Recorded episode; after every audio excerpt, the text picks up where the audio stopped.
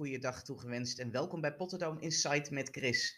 Deze eerste podcast is iets wat anders dan de uitzendingen die hierna zullen komen, want we hebben een heel bijzondere gast. Schrijfster Pen Stewart komt praten over haar bijzondere combinatie van kunst, schrijven en doseren.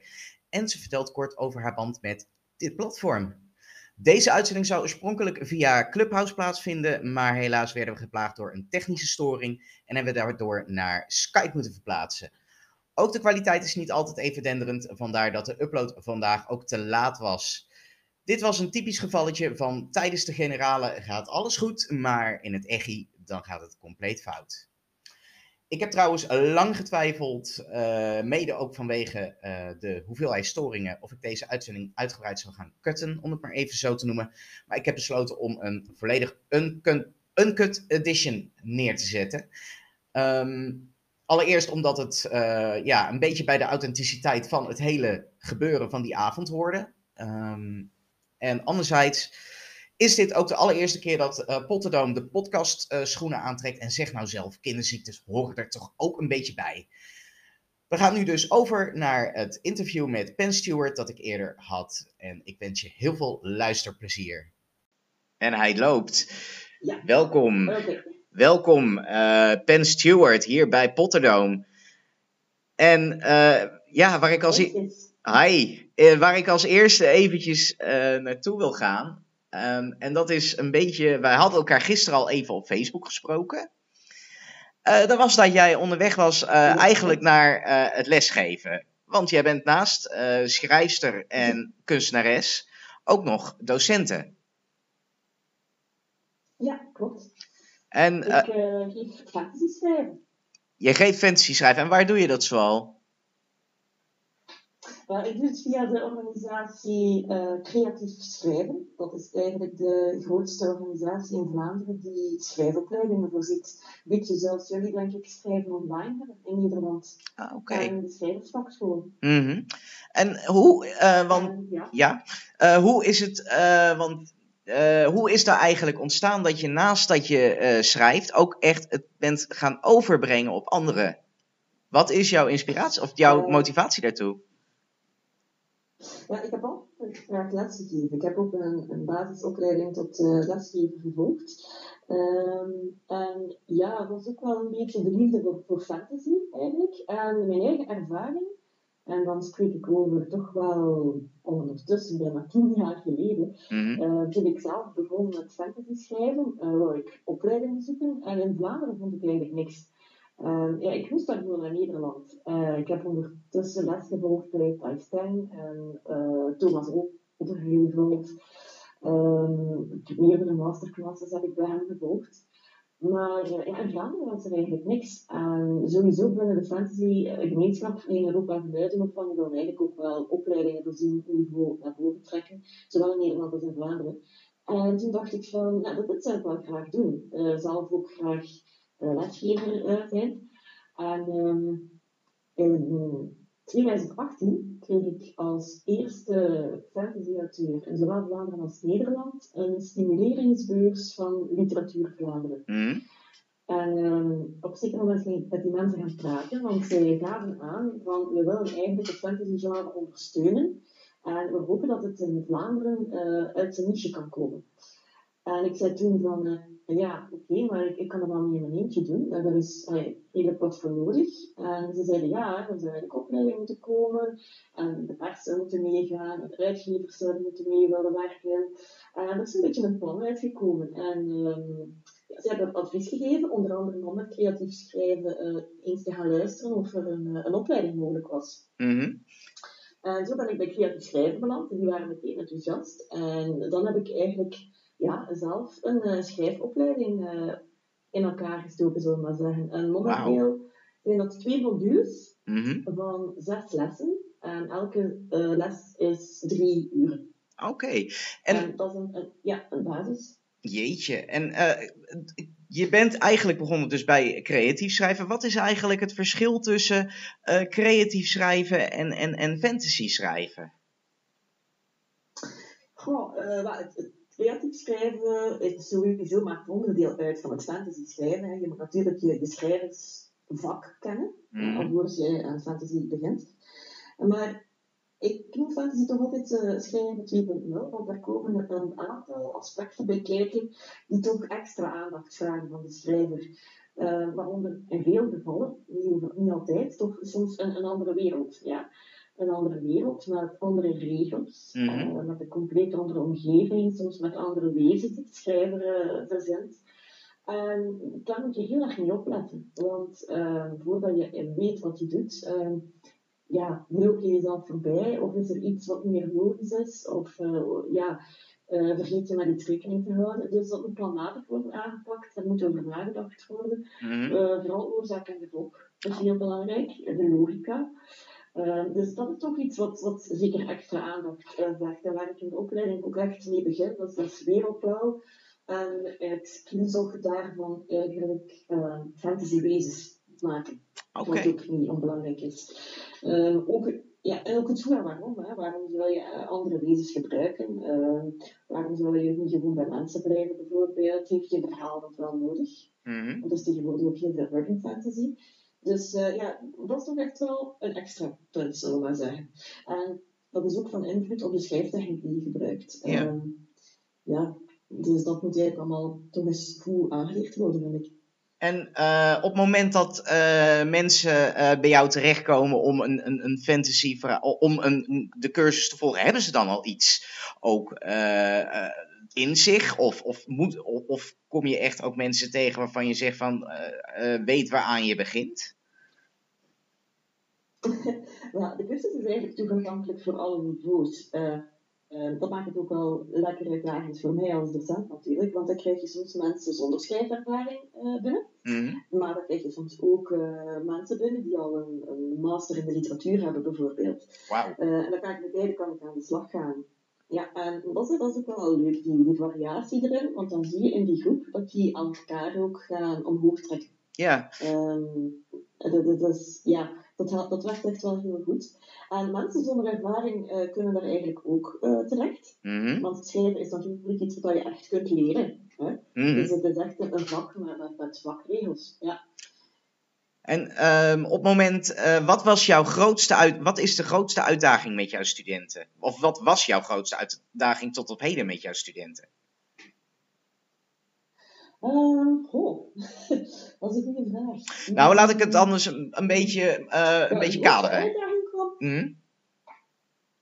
Ja? De, de, grootste uitdaging kwam eigenlijk uh, bij de eerste cursus die ik gaf. Dat mm. was ja, in, toen ik opleiding ging, het van jaar 2020, mm. lente 2020. En dan hoorde het al komen natuurlijk. We hadden juist twee lessen gehad.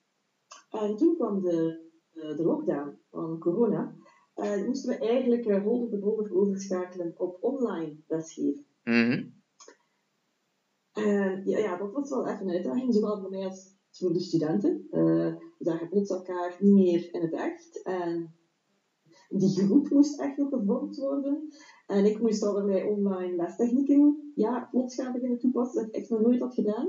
Dus ja, dat was eigenlijk wel een uitdaging, waarvan ik in het begin ook niet wist van, uh, gaat het wel lukken? Gaat die, die groepssfeer er wel komen? Hè? Dat, dat peer-to-peer denken echt mm elkaar aanvullen.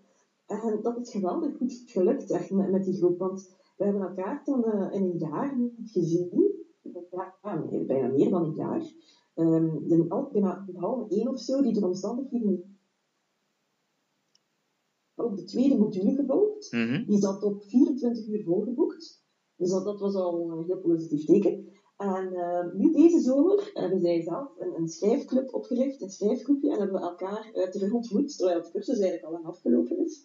Dus die, ja, die groepsfeer, dat is toch wel gelukt, ook online. En dat, is, dat geeft wel voldoening als lesgever. Wow. Dat je dat ziet, dat die mensen verbonden raken met elkaar, dat ze elkaar beginnen ondersteunen, beginnen vooruit helpen, dat er ook echt vriendschap is. Uh, want dat is wel belangrijk voor schrijvers, want ja, uiteindelijk als schrijver zit je vaak alleen mm. thuis, of op je zolderkamertje soms, letterlijk of figuurlijk.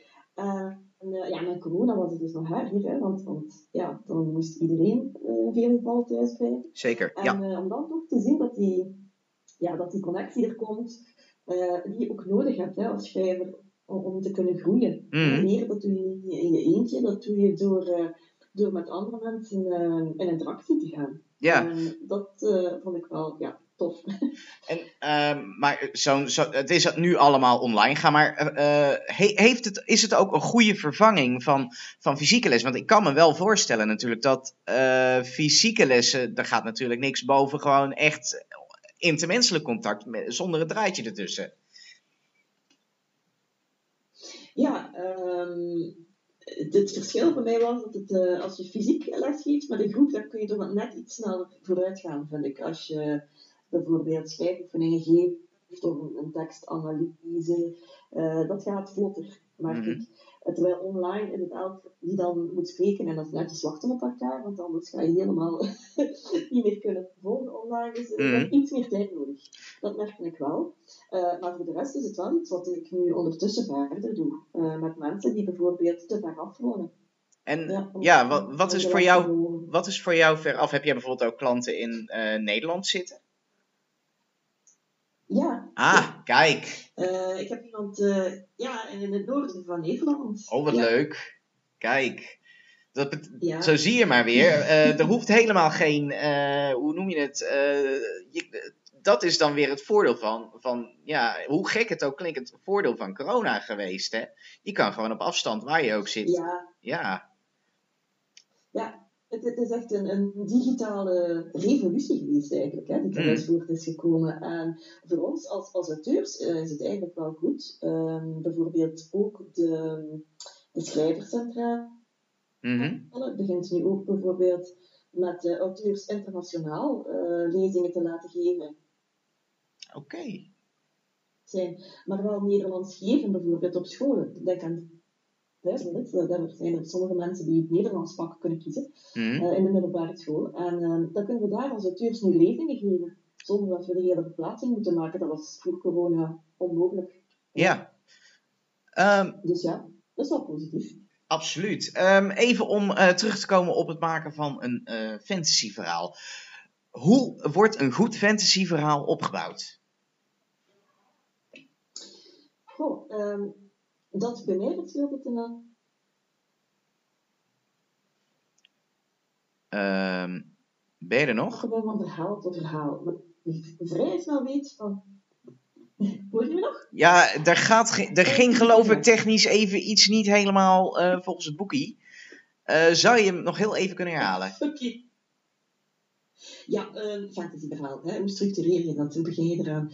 Um, nu, om te beginnen, voor elke auteur is het ook wel een beetje anders. Omdat uh, als auteur moet je jezelf zoeken wat de beste werkwijze is voor jou.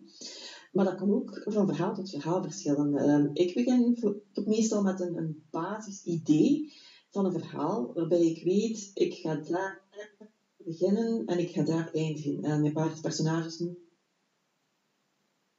je valt weer weg. Er gaat. Oh jongens, de techniek. Er gaat echt van alles. Ja. Dit is altijd in de eerste uitzending, moet je maar zo denken. Uh, aldoende leert men. um, ja. Anders pakken we hem even op waar je gebleven was. Dan uh, moeten we toch maar even wat snijden. oh jongens, wat leuk. Heerlijk dit live. Ja. Oh, echt. Je er nog... Oh, nou weer, hè? Ja, ja. Nou, één okay, ding... Hoor je me nog? Ja, ik hoor je weer. Ik hoor je weer. Oké, okay, goed. Een fantasyverhaal. Um, ik neem het eigenlijk altijd maar gestructureerd aan, laat ik het zo zeggen. Um, elke auteur is er wat anders in en moet eigenlijk zijn eigen werkwijze zoeken. Mhm. Maar bij mij is het echt wel een, een kernidee voor een verhaal.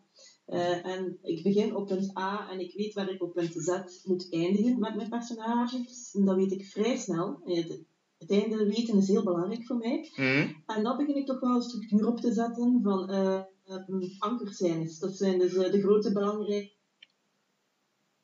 actiepunten in het verhaal. Ook um, hoeveel hoofdstukken ongeveer dat het gaat zijn. Ik heb ook een maximale woordlimiet in gedachten. Mhm. En dan begin ik echt uh, te schrijven van punt A naar punt B. En soms heb ik, weet ik wat punt A is en wat punt D is, maar moet ik ertussen nog punten verzinnen terwijl ik schrijf. Dat is een stuk organisch schrijven, zou ik zeggen. Ja. Uh, maar dat is ook wel leuk, want dan kan, kan je creativiteit heel vrij stromen. Dus ehm, ja, het is ook een beetje agile werken, zullen we maar zeggen, dat ik toepas. Maar er zijn schrijvers die bijvoorbeeld heel, heel anders werken. Die, die beginnen gewoon blanco en die hebben geen idee waar ze gaan eindigen. Die beginnen gewoon en ze schrijven het verhaal, net als een lezer die het voor de eerste keer leest. En voor sommige mensen werkt dat uh, prima. Hm. Maar ik vind, uh, naar fantasy toe, en zeker als je met een, een, een, nieuwe wereld zit, en dan is er toch wel wat planning nodig. Uh, ben je bijvoorbeeld fantasy aan het schrijven, waarbij een moordzaak moet opgelost worden, dan is het toch ook wel handiger om meer planmatig uh, te schrijven, dan zomaar erin te vliegen en oh, we zien wel waar we uitkomen. Dus ja, het, het, varieert soms van verhaal tot verhaal. Maar bij mij is het redelijk planmatig, gemixt met organisch, zal ik maar zeggen. Helder, ja.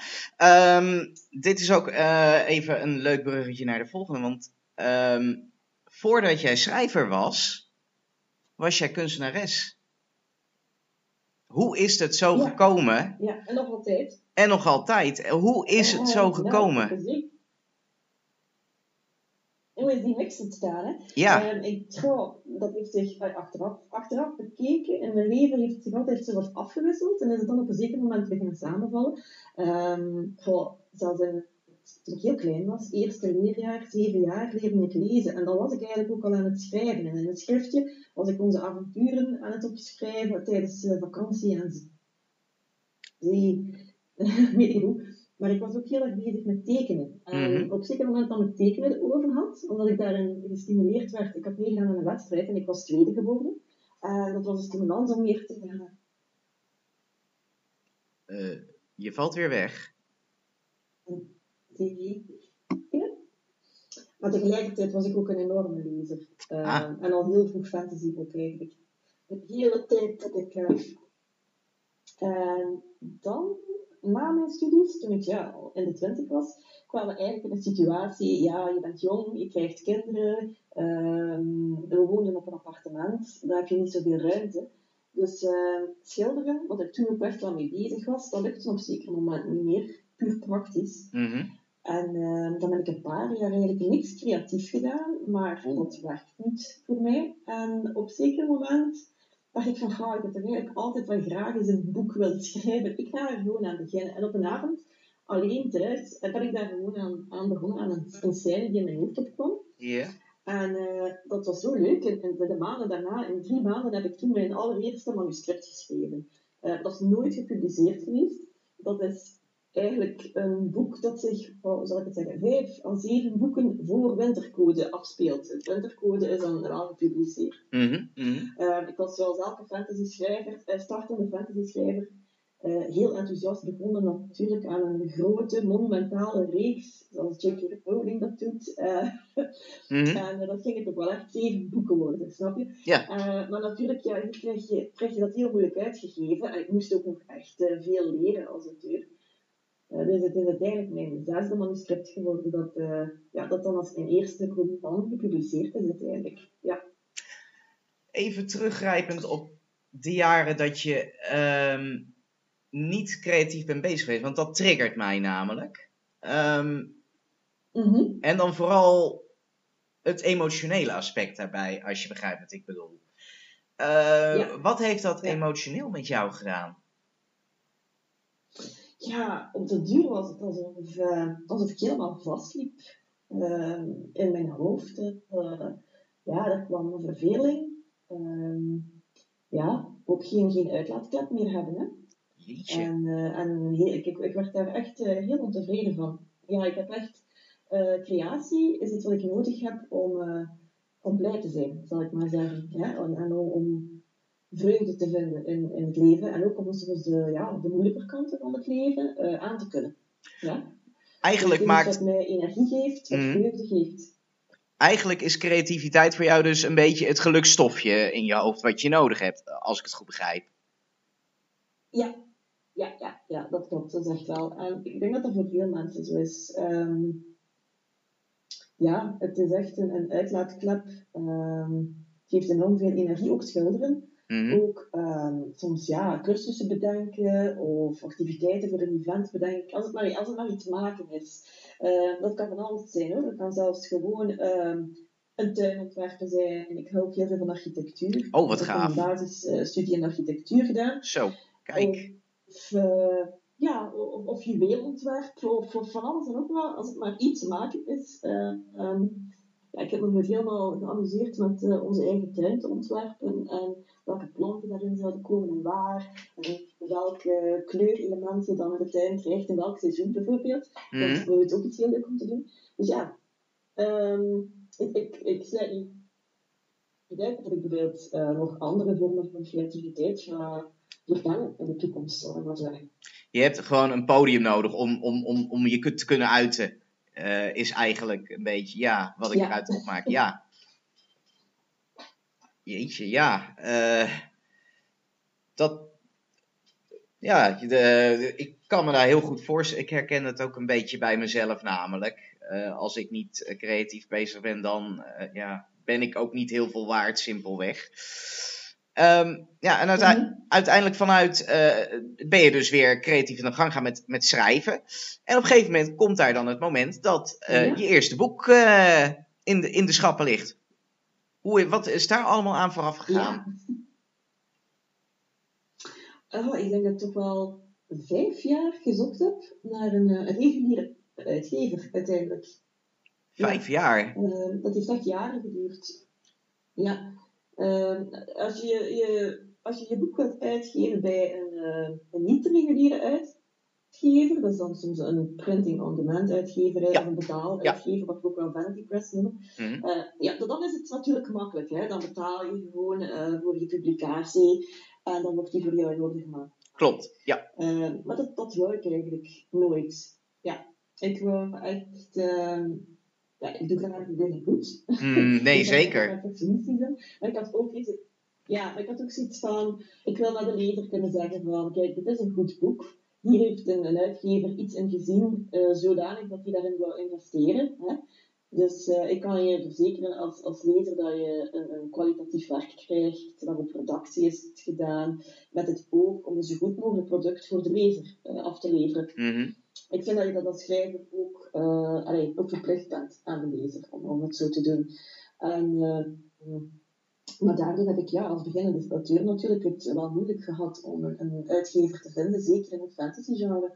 Uh, uiteindelijk is het gelukt met Quasis. Quasis is een uh, kleine Nederlandse uitgeverij mm -hmm. die in Leiderdorp uh, gesitueerd is. Ja, ja. En ja, dat was heel leuk om, om te doen. Ja, en dan mocht ik dan ook nog eens bij schilderen. Want er zitten 26 schilderijen van mij als kleurafbeelding in het boek. Dus wow. dat is helemaal. Dat is gaaf. Als, als je dan, want je hebt dus niet alleen de tekst gemaakt, maar ook dus, want dat zie je ook niet vaak uh, tegenwoordig meer, hè? Nee, nee, dat was echt een, een unieke kans eigenlijk uh, om het te doen, ja. Ja. En uh, ja, dus die schilderijen, die, ja, er zijn dan ook tentoonstellingen met uh, meegehouden. Oh. In bibliotheken bijvoorbeeld, dus ja, um, even over die tentoonstellingen. Zijn ze nog ergens te zien voor onze luisteraars natuurlijk? Uh, nee, momenteel niet. We zitten allemaal thuis. Goed. Um, er is er een eentje geweest in, uh, ja, in de bibliotheek in Bilbeek. Um, die hebben voor de coronaperiode een volledige fantasymaand uh, georganiseerd. Met film en opleiding en schrijfwedstrijd, alles op en eraan. En ook een tentoonstelling met die schilderijen van mij dan. Nou, volgens mij moeten we hier bij Potterdome maar eens eventjes een, hoe noem je het, een, een, een uh, crowdfunding houden dat we eens hier in Nederland zo'n tentoonstelling kunnen organiseren. Want uh, ja, het kan weer binnen...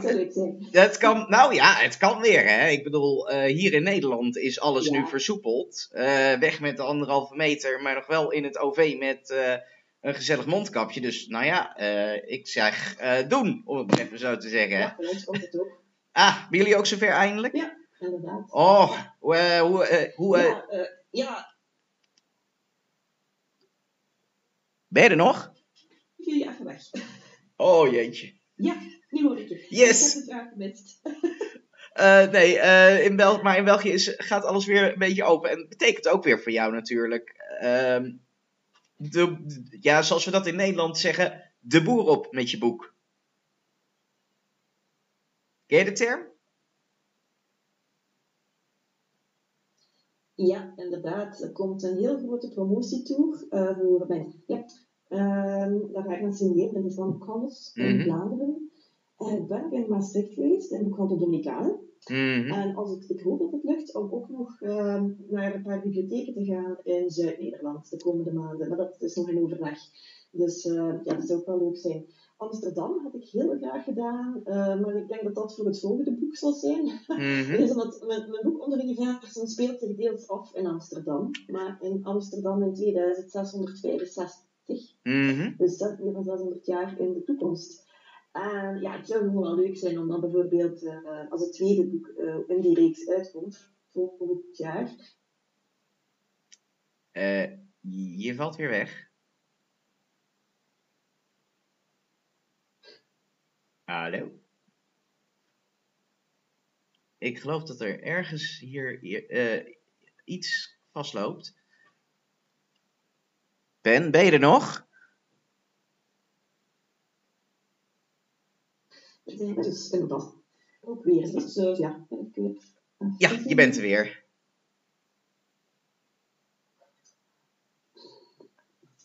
Uh, hoor, je, hoor je mij?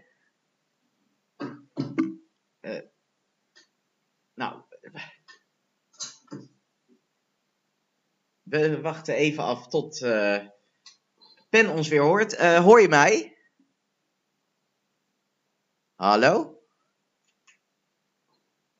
Uh, ik hoor wel van alles aan de andere kant. We zullen toch even een beetje moeten knippen, vrees ik. um, ja. Oh jee. Um, ben, ben je er nog?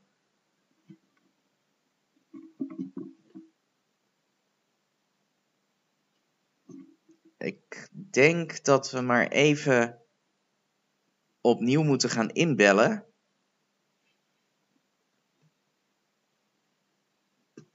gaan we even zo doen. Hup. Uh, zo.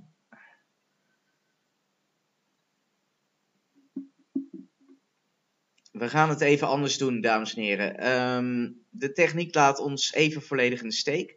We gaan gewoon even opnieuw inbellen. Tenminste, hoor je mij? Oh, nou, de techniek viel nu helemaal weg. We gaan het gewoon even opnieuw uh, doen. Komt helemaal goed. Uh, die moet even weg. Die doen we even openen. Uh,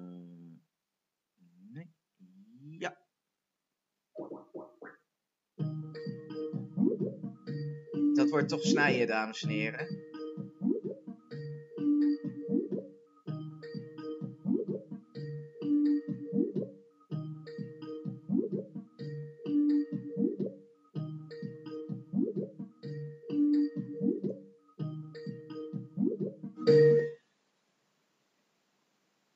Hoi, ben je er weer? Hoi, ja. Hoi. Ja, we er weer. Oh, jongens. Er viel even wat, echt een heleboel weg, geloof ik. Ja. Nou, iedereen. Ja, ja, ja, het was, het was heel slecht. Ja, nou ja. Het, ja, uh, dit is, de volgende keer doen we gewoon een interview uh, in, in, in, in dezelfde studio. Want dit gaat echt, dit, dit, dit moet ik niet te vaak doen. oh jongens, uh, dit wordt, nee. dit wordt snijden. dit wordt zo snijden de komende dagen nog. en morgen al erop staan, kun je nagaan. Um, even kijken, waar waren wij? Uh, ja, we hadden het over namelijk um, het boek Onder Universum. En uh, leuk dat je er alvast over begon. Want uh, dat was inderdaad mijn volgende vraag.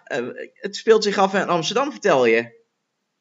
Geef ons eens een korte samenvatting van. Geef ons, ja, waar gaat het boek over? Ja, het is een boek dat uh, vooral Uh, ben je er nog? Ik hoor wel. Ja. Ik hoor wel.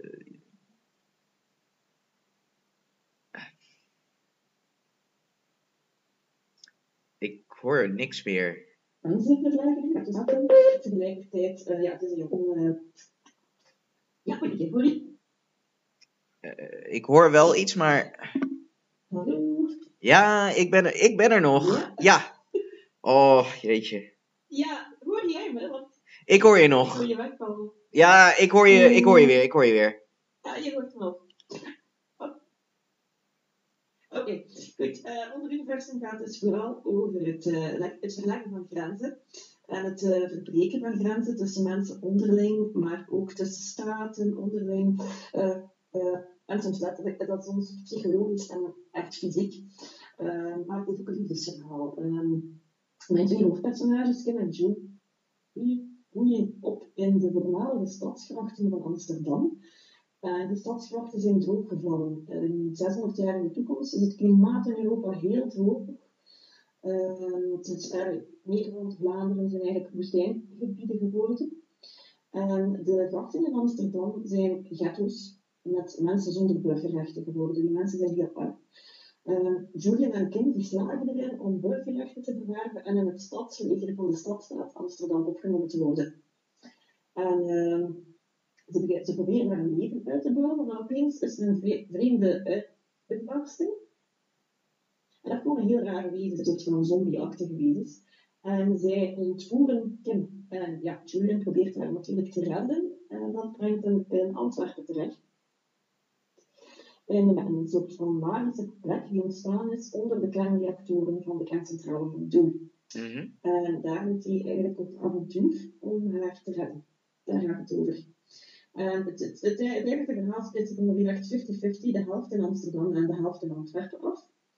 En er is ook een fictieve stad daaruit, Distorsia, eh, die een, een vijand is van Amsterdam, alhoewel dat de regeringen samenwerken. Daar zit een hele intrige achter, die ook het, eh, ja, in het tweede boek dan verder zal uitgewerkt worden. En ook de, de vreemde wezens die uit die uitbarstingen tevoorschijn komen, de zombie-achtige wezens, die gaan ook problematisch worden het volgende boek, dat eh, de titel De Drie Einsteins zal hebben.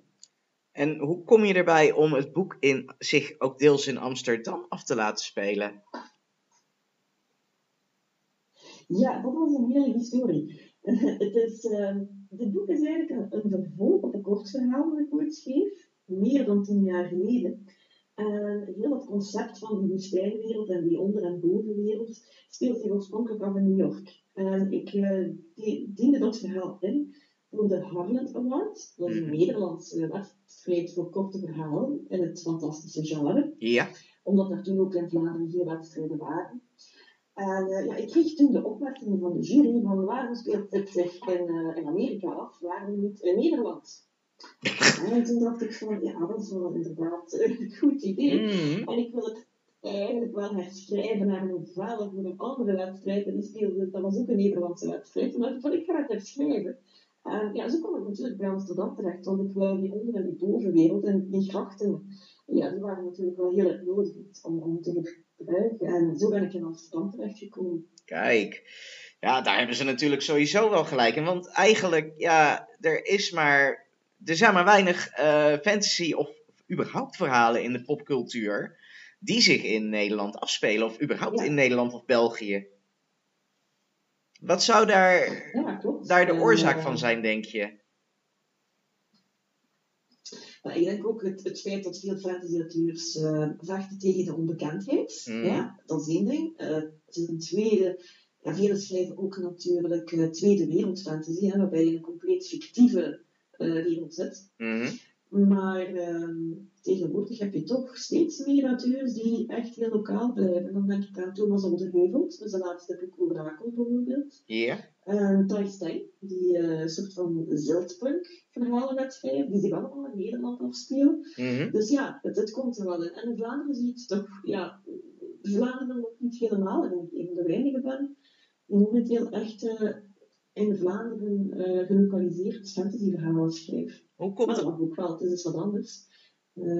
Hoe komt dat eigenlijk dat, het- dat het in Vlaanderen nog niet zo echt voet aan de grond krijgt? Zou dat aan, aan de cultuur in, in Vlaanderen liggen? Of, of eh, ja, eh, andere redenen? Zijn de morens er niet naar? Ja, goh, het is een beetje een, uh, een vicieuze cirkel, denk ik. Mensen hebben heel lang niet bezig geweest met het genre, maar dat begint nu wel op te komen door een grotere globalisering. Hè. Jongen, kijkt naar wat jongeren lezen, dan is dat veel meer fantasy dan pakweg 15, 15 jaar geleden. Mhm. Ehm, maar ja, hier zijn we daar heel lang niet zo mee bezig geweest. Dus de vraag was er niet en dus werd er ook geen aanbod gecreëerd. En ja, als je natuurlijk geen aanbod creëert, ja, dan leren de mensen je ook niet kennen en dan is er ook geen, geen vraag achter. Dus dat, dat is eerst wel heel lang uh, toch wel iets geweest hier bij ons dat, dat, uh, ja, dat meegespeeld heeft in het niet doorbreken van het genre. Nu uh, krijgen we toch alsmaar meer auteurs die, ja, die gepubliceerd zijn, al dan niet in Vlaanderen of in Nederland, met fantasyboeken. Dus de volgende stap is nu ja, grote uitgevers daarvan over te en de persie krijgen. Ja, het, die telefoons hebben we al mee, dus dat is ook wel uh, goed. Mhm. Um, hopelijk de boekenbeurzen die eraan zullen komen om de boekenbeurs in Antwerpen te vervangen, die teloor is gegaan met corona, die gaan daar ook positiever tegenover staan, denk ik. Dus het, het komt wel. Kijk. Het is wel echt een positieve evolutie. Ja. En ooit begon het bij jou, voor jou, uh, voordat je uh, begon, ja, eigenlijk je, je grote fantasyboeken schreef, ben je ook altijd Harry Potter fan geweest. Hoe ben je daar zo in, in gerold? Ja, zeker. Uh, ja, goh, hoe is het dat gekomen? Ik was toen halfweg de twintig, denk ik. Ja. En het was het derde boek dat toen verscheen uh, van Harry Potter. Mhm. En toen, ja, toen begon die rage op te komen en begonnen mensen erover te praten. Dus ik had het al een paar keer opgevangen, want dat is kennelijk een interessante nieuwe reeks die heel populair is. En op een, op een dag heb ik de eerste drie boeken, heb ik nog heel goed gekocht in de winkel. Ja, toen het eerste boek beginnen lezen en dan het tweede, en dan was ik helemaal uh, ja, eraan verknopt, zullen we maar zeggen. Mhm. Het was zoveel lezers, dus uh, dat was zo tof. Um, ik, ik was op een periode dat ik zelf minder was beginnen lezen.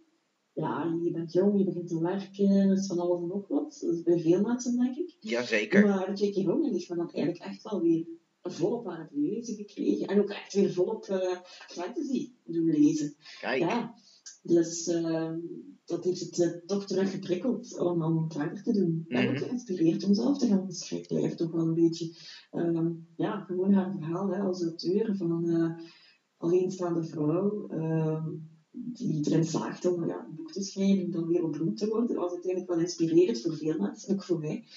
Dus, en dan ja, heel hard gewacht natuurlijk, zoals niet iedereen op de volgende delen. Mhm, dat weet ik nog heel goed. Dus ja. En ook alle films gezien? Ja, zeker. Uh, ik denk dat die toch wel elk jaar eens allemaal opnieuw kijken. Zo. Dikwijls in de kerstvakantie. Ah, jij ook al. Heerlijk. Nou, het is dan heel, ja, ja, ja. het is heel toevallig dat ze nou uh, in oktober en november weer bij ons op de Nederlandse televisie op Net 5 te zien zijn. Dames en heren, u gaat toch ook even kijken op maandagavond om half negen. ja, even. Uh, ja, uh, dat worden weer lekker ouderwetse avondjes. Um, en naast film kijken en boeken lezen ben je ook op een aantal websites actief geweest. Waaronder blijkt dus uh, op Potterdome. Ja, al heel lang geleden. Uh, wanneer was dat? Ik heb het nu terug opgepakt. Nee. Wat is? Wanneer was dat? Heb je de vraag? Ja, dit, dat is zeker meer dan tien jaar. Ja, ja maar ik was, uh, dat, is zeker meer dan tien jaar geleden, denk ik.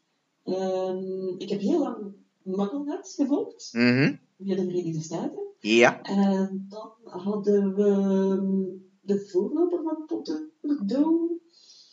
Uh, hadden wij een voorloper? Uh, even de naam kwijt. We hebben Potter Netwerk ook gehad, hè? Het nest is wel. Ja, ja, wel ja, die, die heb ik ook gevolgd. Ja. Uh, Potterdome. Het nest, het nest, ja. Ah, kijk, dan ben je vanuit het nest met, met de hele inboedel mee verhuisd. Kijk, kijk. Leuk. Um, nee, uh, ja, ja, ja. Uh, het nest, dames en heren, is in 2000, van 2004 tot 2005 onderdeel geweest van Potterdome. Toen zijn we samengevoegd met Potter Netwerk. Um, heeft het nest, is toen zelfstandig verder gegaan. Want je, je kan gewoon niet twee fora naast elkaar draaien. Um, en, en, en in 2000, uh, 2006 hebben we ook nog even kort Potter Netwerk als website geheten. En later is het uh, Potterdome en Potter Netwerk als één geheel verder gegaan, dus Potterdome. En nou ja, in 2008 werd het uiteindelijk een RPG-website onder uh, twee andere mensen. Zo is het ongeveer verlopen. Maar wat vond je het leukste in de tijd aan Potterdome? Ik, ja, gewoon de, de sfeer, denk ik ook. Hè. De, de vele artikels, zoals je nu ziet. Mm -hmm. uh, het forum waarop gediscussieerd werd, dat is heel leuk. Ja, gewoon de sfeer van de mensen onderling ook. Uh, en dat heb je nu nog, hè. Zo, die, die, ja, echt die, die, dat fandom, echt. Uh, het, het verzamelen van dingen. Zeker. gaan naar boeken dan. ik herinner me ook dat dan van Baker de Bart kwam dan die, die speciale editie uit. Ja uh, Engels met het leergebonden boek, weet ik nog. Ah ja, die heb ik liggen. die heb ik toen gekocht. Oh, geweldig, dus, geweldig. Uh, met, met schetsen van J.K. Rowling, dat iedereen was het dan op zoek. Ja, ja. Dus uh, ook die, die eerste edities van die kleine boekjes die dan J.K. Rowling had die dan gemaakt voor een, voor een goed doel. Van de Fantastic Beasts and Where to Find Them. Mm. waren heel, heel dunne soort van pocket, pocket edities. Um, ja, dat werd allemaal verzameld. Dat komt dan al nieuws kon je dan volgen. Ja, dat was ook, vond ik gewoon uh, te gek eigenlijk. Ja. Dus uh, dat was leuk om te doen. ook wel eens uh, een keer aan de RPG meegedaan na, twee, of, na 2008, toen ik zelf korte tijd van boord ben geweest. Nee, dat niet. Daar ben ik afgehaakt. Op de, ja, de roleplaying games, dus dat is niet zo mijn ding. Oh, bij jou dus, ook al niet? Daar, daarom is het eigenlijk beginnen met Nee. Ik heb ook uh, heel erg. Ik heb ook heel. Uh, ik moet ook eerlijk zeggen, ik heb in de tijd. Um, en nou mag ik ook wel even eerlijk zijn, denk ik. Heb ik natuurlijk tegen mijn opvolgers uh, van toen gezegd. Um, hartstikke goed dat jullie dit doen, maar ik had echt van binnen zoiets van. Klopt dit nog? Dus ik snap je gevoel in die zin. ja, ja, ja. Het, het, het sprak opeens en denk ik een, een, een ander publiek aan. Mm. Ja, en, en niet elke Harry Potter fan is daar ook uh, roleplaying van. Dus uh, ja, ik denk dat daar misschien inderdaad het wat zijn, zijn kerndoel voorbij is geschoten. Maar dat lijkt nu wel helemaal terug te zijn. Hè? Ja, de, dus, nou ja, het, is denk ik een beetje de bloed, welke bloedgroep er ja, is. En nu is het weer de originele bloedgroep, om het zo te zeggen. En ja, hoe, hoe gek ik ook klink, maar uh, een Potterdome uh, zonder nieuws en informatie, ja, dan kan ik net zo goed meteen hier de, de, de, de stekkers eruit gaan trekken, om het even zo te zeggen. Dan klopt. Dus ja, nee, ik had inderdaad ook wel zoiets van, jongens, ja. waar zijn we nou helemaal mee bezig? Maar goed, uh, dan krijg je gelukkig de kans om de tijd weer terug te brengen, om het zo te zeggen. En dat heb ik nu ook gedaan. um, ja, dit was hem. Dit was hem. ben je er nog? Oh, er gaat hier even iets weer technisch niet goed. Hallo? Hallo? Ja, ik hoor je. Ja, ik hoor je. Oh jongens, echt wat een drama hè, die techniek. Uh, vanaf uh, de volgende keer gaan we gewoon live interviews doen, want dit gaat niet meer werken. Echt, je lacht je dood hier. Um, ja, in elk geval, uh, tot zover uh, dit interview. Ik wil jou heel erg bedanken voor even ja. een, uh, ja, sowieso als ex-Potterdomer, om het maar even zo te zeggen, dat je even de tijd hebt vrijgemaakt. En kijk waar je, waar je terecht bent gekomen, joh. Dat is fantastisch, natuurlijk. Ja, ja, dat is leuk. Ja, en... Zeker. En sowieso. Ja, ik de site uh, terug weer meer volgen. Uh... Ah, fantastisch. Nou, gelukkig zijn we, uh, kwam ik er laatst achter, niet in ons eentje meer. er schijnt nog een leuke nieuwssite rond Harry Potter te zijn. Dat is dutchwitchesandwizards.nl. En dan hoop ik dat ik hem goed uitspreek. Of .com. maakt niet uit. Oh, ja, die, dat is ook een hele leuke site. Um, ja, je mag best af en toe een beetje reclame maken voor collega's, uh, vind ik. Deden we vroeger een beetje moeilijk over. Nu gaan we dat wel weer wat meer doen. Dus bij deze. Ze hebben ook hele leuke eh, nieuwtjes, maar ook schrijven ze reisblogs bijvoorbeeld. Dus zij gaan echt naar de locaties toe. Eh, dat is echt heel leuk om eens te lezen. Ja. En nou ja, blijf natuurlijk ook Potterdome volgen. Dat natuurlijk vooral. en Eh, ja, eh, sowieso, als je nieuws hebt over je volgende boek, horen we dat natuurlijk ook graag hier. Besteden we graag even aandacht aan. Zeker. En eh, dan wil ik bij deze ook alle luisteraars alvast ja, mijn excuses maken voor het feit dat het vanavond van Clubhouse naar ja, Skype is gegaan. En ook excuses aan jou, maar de techn- dat heet eh, de wet van Murphy, om het maar zo te zeggen. En gelukkig dat we een, plan B en zelfs nog een plan C Ja. hadden. Dus ja, bij deze Ja, luisteraars een hele fijne avond. Ik ga de opname nu stopzetten.